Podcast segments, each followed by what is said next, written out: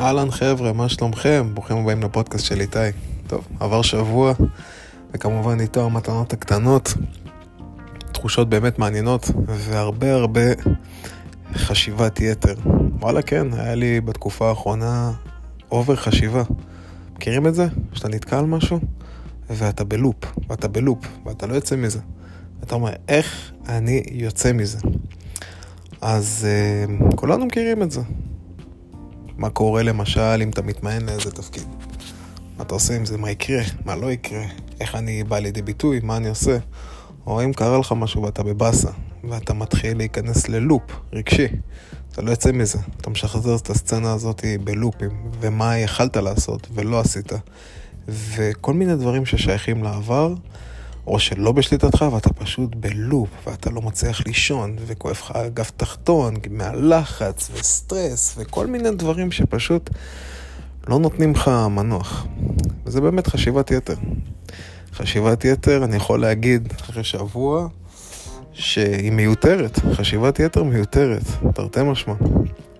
תכלס, גיליתי על עצמי שיש אחלה של דרכים לעצור את זה.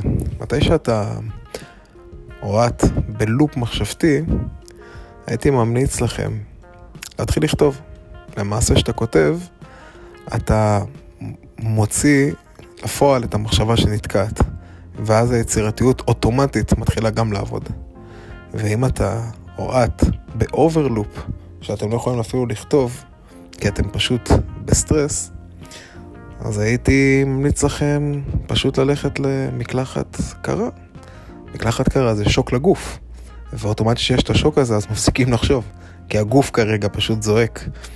מקלחת קרה של דקה אפילו. רק השוק הראשוני מוציא אתכם מזה, נותן לכם את ההלם הזה, את הכאפה הזאתי, שנותנת לכם בעצם תחושה שיצאתם ממשהו. הייתי ממליץ על עוד דרכים, אה, כמו לקרוא ספר. אם אתם מרגישים שאתם בלופ, אתם לא מצליחים להתרכז, לקחת ספר שהוא לימודי, בכוונה כי הוא מוציא את המחשבה שלכם והוא מפקס אותה בדבר אחר. אנחנו יודעים שהמוח יכול להתפקס רק בדבר אחד.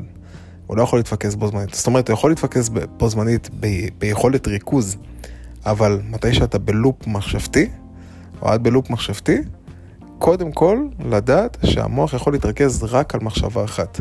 הוא לא יכול לחשוב על מחשבות אחרות. ובגלל זה הייתי ממליץ לכם לקרוא ספר, או לעשות כלים, אם יש, לסדר את הבית. לתלות כביסה, לקפל כביסה, כל משימה כזו או אחרת שהיא פיזית.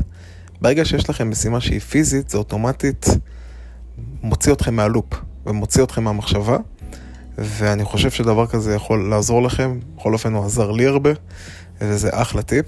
הייתי ממליץ לנשים, על סמך אה, טיפים ששמעתי מידידות, אה, לסדר את השיער במצב כזה. אם אתם רואות שאתם גם בלופ מחשבתי ואתם לא צריכים לצאת אותה מחשבה שמנקרת, מה יהיה, מה עשיתי, מה פה, מה שם, לדעת שאתם פשוט אה, עוזבות עכשיו הכל ומסדרות השיער למה שאתם רוצות לסדר אותו, אם זה קוקו, אם זה לפזר אותו, אם זה לשחק איתו, תעשו עם זה משהו שישנה את הלוק. לגברים, אני ממליץ להתגלח.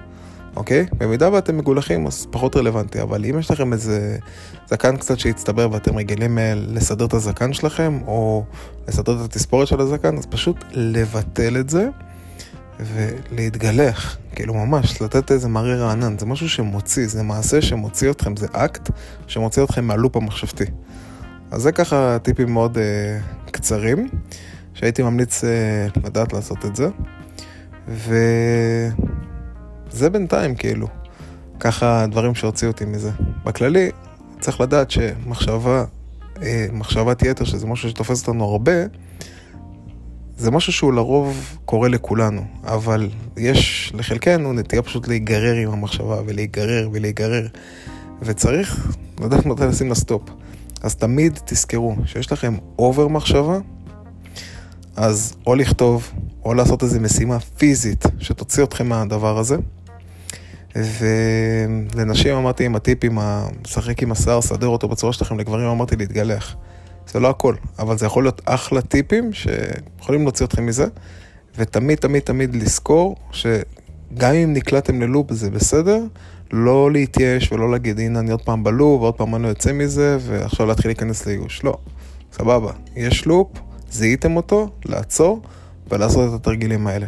תזכרו, ברגע שיש חשיבת יתר, פיזי, מתי שיש over פיזי, אז יודעים לעצור רגע ולחשוב. תמיד תזכרו את הדיסוננס הזה. מקווה שעזרתי לכם, מקווה שזה יהיה אחלה טיפים. ניסיתי לעשות את זה קצר וקולע. וזהו, מאחל לכם שיהיה אחלה של שבוע. נתראה שבוע הבא בפודקאסט. ואם יש לכם איזה רעיונות כלשהם שאתם רוצים שאני אדבר עליהם, תרגישו חופשי לשלוח לי הודעה. יאללה חבר'ה, מאחל לכם הרבה בהצלחה ושגרה כמה שיותר מוצלחת.